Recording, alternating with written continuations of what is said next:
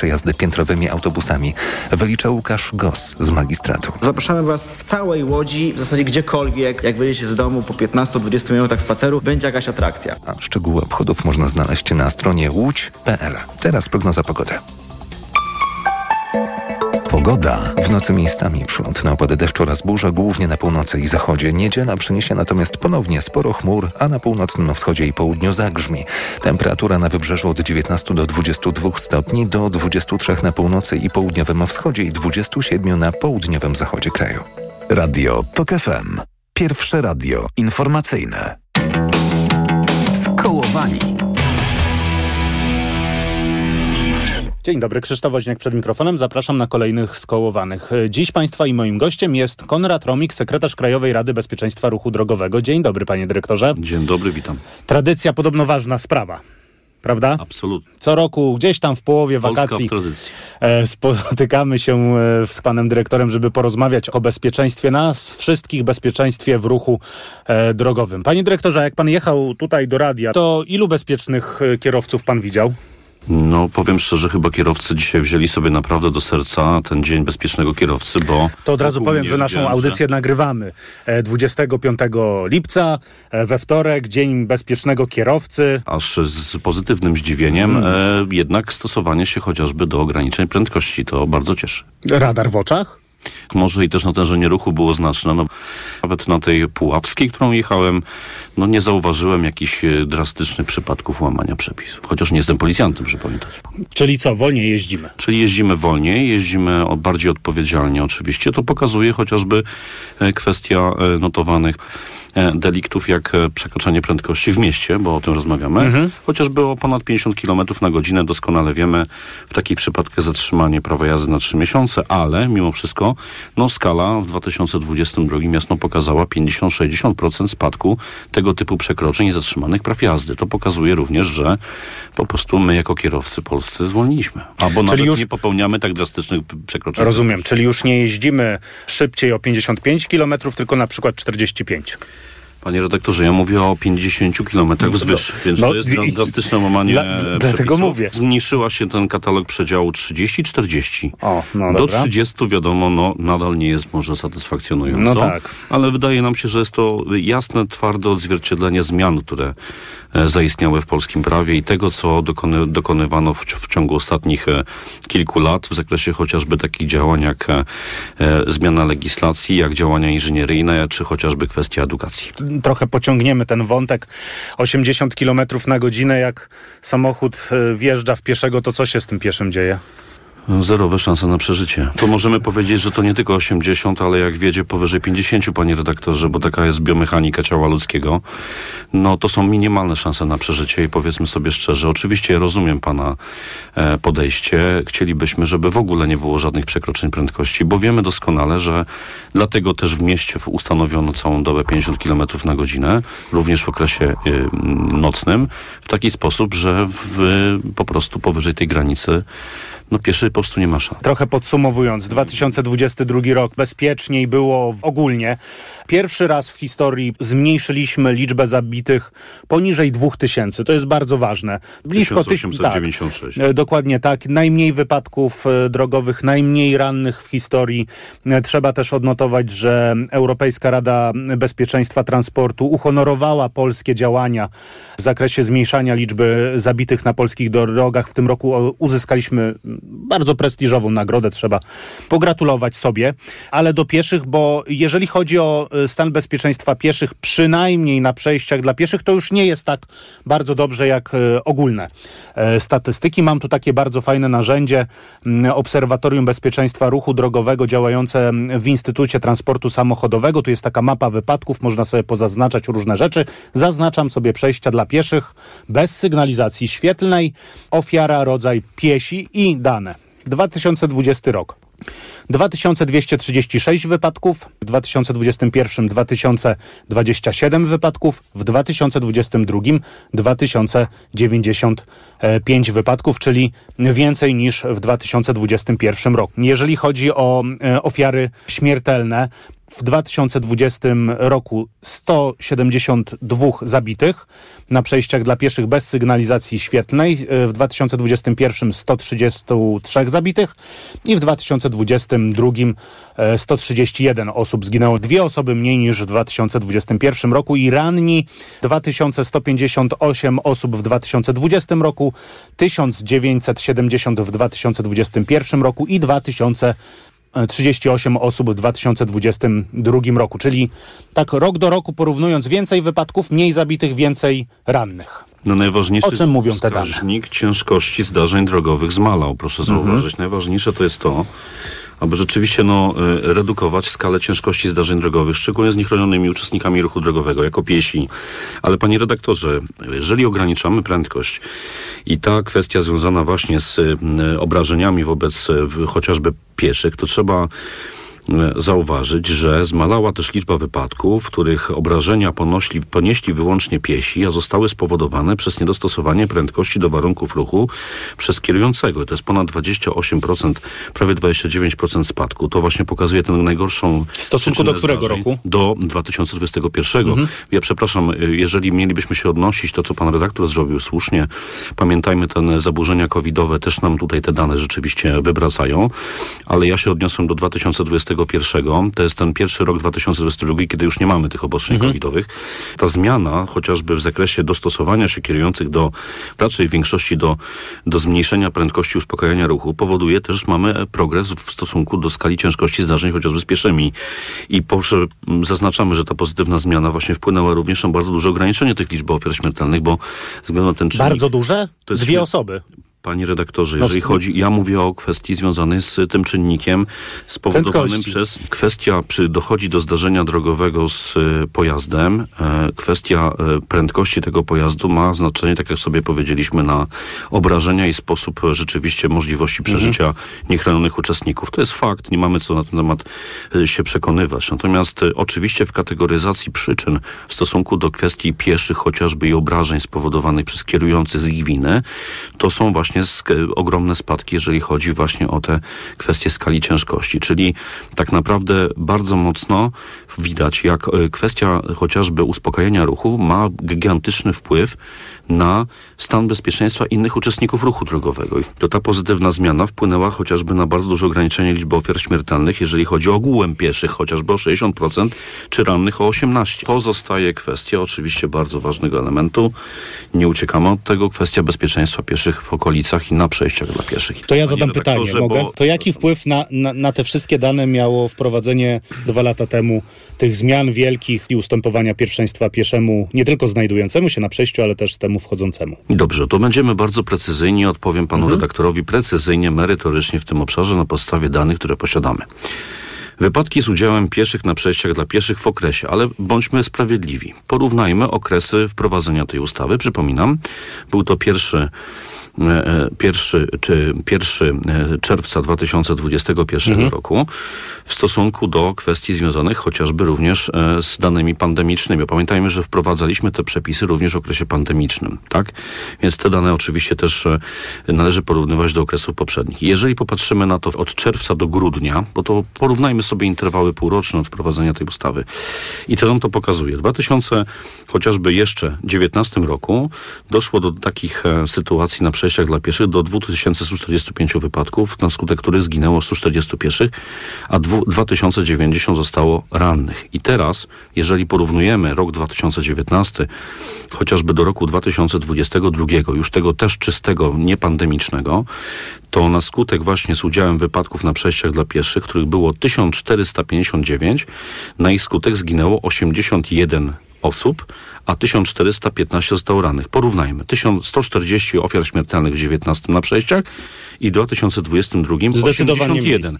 Więc mhm. to nam pokazuje, że również kierunkowa zmiany w zakresie prowadzenia nowelizacji, nie tylko nowelizacji, panie redaktorze, bo patrzmy na to w szerszym kontekście działań inżynieryjnych, uspokajających, działań przebudowy, bo przecież pamiętajmy ogromnie o tym procesie, który się już toczył. On został zapoczątkowany w 18 roku. Kwestia wytycznych prawidłowego doświetlania zamykania przejść dla pieszych i zimplementowanie tego rozwiązania po szerokich bada analizach badawczych i wprowadzenia rekomendacji wytycznych w tym obszarze do rządowych programów obligatoryjnie realizujących to zadanie. Zgadzam to się. jest ważna I sprawa. właśnie o to chciałem zapytać, że od tego 2019 roku ile tych przejść zostało zmodernizowanych. Więc powracam do mojego pierwotnego pytania o wpływ zmian legislacyjnych w poprawie. Czy wiemy dokładnie, a może po prostu trzeba sobie jasno powiedzieć, że nie jesteśmy w stanie tego określić i nie czarować się, określić jaki dokładnie wpływ miała zmiana przepisów na to, że jest bezpieczniej na przejściach dla pieszych.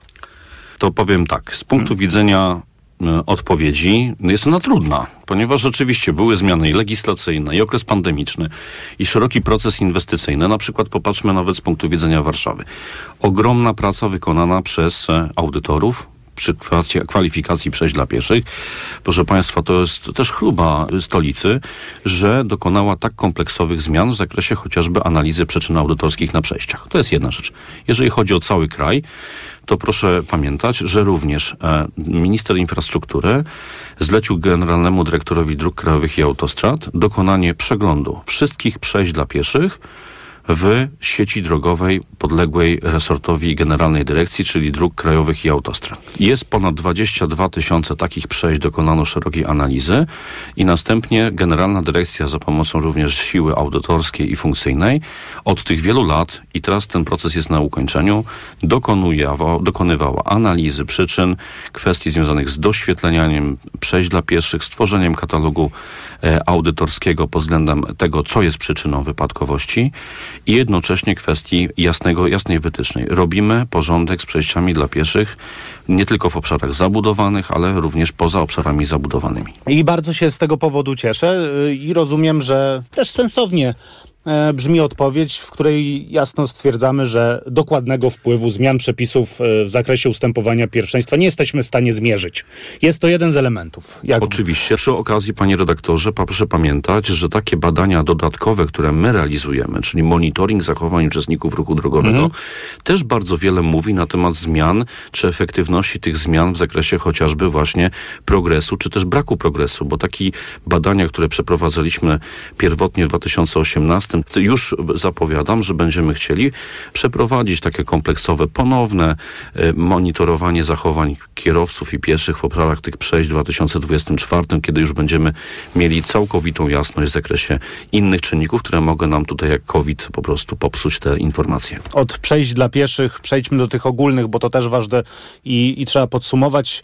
E, tak jak powiedzieliśmy, najbezpieczniej w historii e, na polskich drogach, ogólnie patrząc na liczby. E, to znów pana zapytam, jaki na to wpływ miała zmiana, jeżeli chodzi o kary za wykroczenia i przestępstwa drogowe, która weszła w życie w zeszłym roku, a jak wiemy w tym roku trochę się zmieni e, nazad. Z danych, które posiadamy, to znaczy ta kwestia związana z penalizacją katalogu najcięższych wykroczeń drogowych. To nie było tak, że zmieniono taryfikator w każdym obszarze, tylko za najcięższe wykroczenia i przestępstwa drogowe, z takich najważniejszych rzeczy, to jest kwestia jazdy z bandycką nadmierną prędkością, to jest raz. Druga, jazda pod wpływem alkoholu i środków odurzających. To są takie dwa główne katalogi, które zostały bardzo mocno podwyższone w penalizacji. I jaki jest efekt? No popatrzmy sobie na to z punktu widzenia chociażby liczby ujawnionych naruszeń popełnionych przez kierujących dotyczących przekraczania prędkości. Jeszcze raz wrócę do tego powyżej 50 na godzinę na obszarze zabudowanym oraz zatrzymanych na przykład praw jazdy. I teraz jak popatrzymy na to z punktu widzenia chociażby roku 2021, to ilość ujawnionych takich naruszeń to było 55 506. Teraz jest rok 2022, który porównujemy, ja też się, przepraszam, tylko porównuję rok do roku, ale to pokazuje progres. E, 28 948 m, e, ujawnionych. To proszę zobaczyć, 55 tysięcy, a 28, jaki potężny spadek, jeżeli No, chodzi o kwestię połowa. ujawnienie. I zatrzymanych praw jazdy, proszę zauważyć, w 2021 jeszcze było 50 tysięcy 83, a w 2022 25 588. To to nam pokazuje, w jaki sposób rzeczywiście udało się nam w ciągu jednego chociażby roku drastycznie ograniczyć jazdę z tą nadmierną prędkością. Dobrze, Czyli zwolniliśmy, to oznacza bezpieczeństwo. Bezpieczniej na polskich drogach, prawda? Absolutnie tak i zmniejszoną liczbę skali ciężkości zdarzeń. Panie dyrektorze, d- naukowcy mieli rację. Z reguły tak bywa. A jaki wpływ na e, bezpieczeństwo w ruchu drogowym będzie przywrócenie kursów redukujących sześć ostatnich punktów karnych i przywrócenie znów do roku e, okresu eliminowania punktów karnych, e, co prawdopodobnie stanie się jeszcze w tym roku, dokładnie nie wiemy, no bo to zależne jest od rozporządzenia ministra cyfryzacji. Panie redaktorze, jaki będzie miało wpływ? No Mhm. ja nie wiem, jaki będzie miało wpływ, proszę mi uwierzyć. A że dlaczego panu powiem, dlaczego nie wiem? Dlatego, że e, kursy reedukacyjne najpierw zostały st- e, oczywiście wyłączone z systemu. Teraz mamy sytuację, decyzją Parlamentu Rzeczpospolitej, przywrócenie tego typu mechanizmu do systemu e, e, realizacji tego typu zadania. Natomiast, żeby odpowiedzieć panu na pytanie, jaki będzie miało wpływ, to to zależy od tego, w jaki sposób te kursy będą realizowane. Dotychczas była ta kwestia związana oczywiście z działaniami informacyjnymi. Pan lub pani przychodziła do zredukowania tej liczby, był określony zakres programowy, było wysłuchiwanie różnego typu e, kwestii związanych chociażby z zagrożeniem w ruchu drogowym. Natomiast nie mamy informacji jeszcze, i to jest kwestia działań Ministerstwa Spraw Wewnętrznych w porozumieniu z Ministrem Infrastruktury, jaki zakres programowy nowych kursów redukujących 6 punktów karnych będzie ustanowiony. Tego nie wiemy.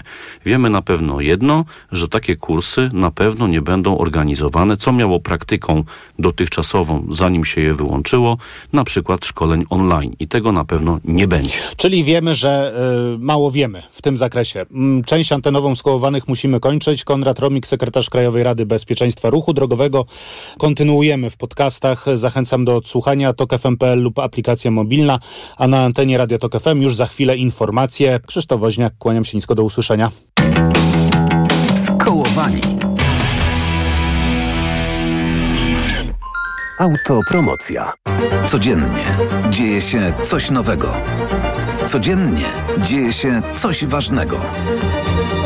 Trzymaj rękę na pulsie i słuchaj swoich ulubionych audycji oraz podcastów i seriali reporterskich TOK FM w dowolnej kolejności, o dowolnej porze, zawsze gdy masz na to ochotę. Dołącz do TOK FM Premium. Teraz 30% taniej. Szczegóły oferty znajdziesz na tokefm.pl. Autopromocja. Reklama. Kochanie, tu wszystko już na wakacje mamy? A kawę mamy? Wszystko na wakacje? Na Allegro mają. Teraz kawa ziarnista Jakobs Crema Italiano 2 kg za 99 zł. Najniższa cena oferty z 30 dni przed obniżką 109,98. Allegro. Reklama. Radio TOK FM. Pierwsze radio informacyjne.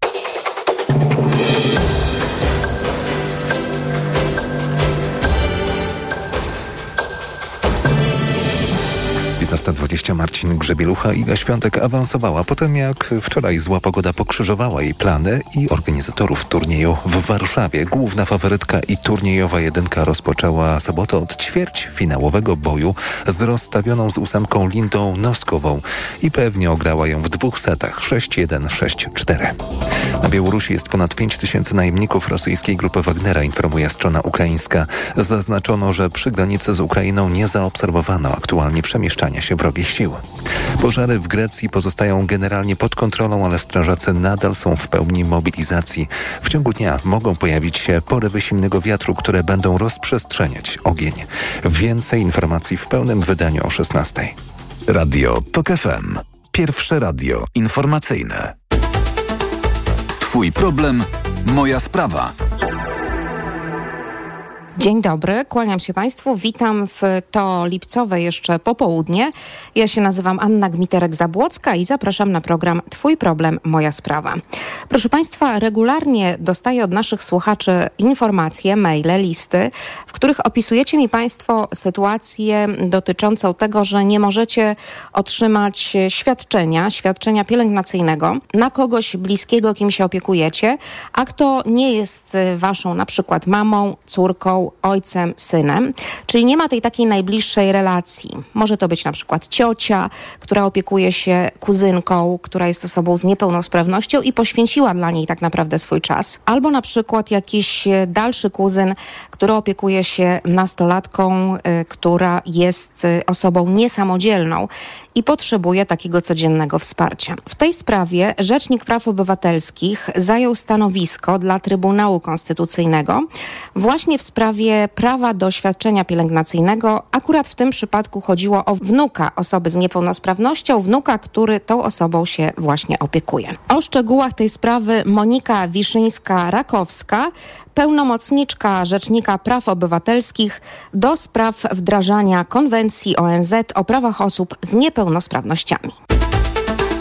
Twój problem, moja sprawa. Była to sprawa wnuka, który starał się o świadczenie pielęgnacyjne i tutaj mieliśmy dwie linie orzecznicze wcześniej. Czyli raz sądy wskazywały, że w przypadku, gdy faktycznie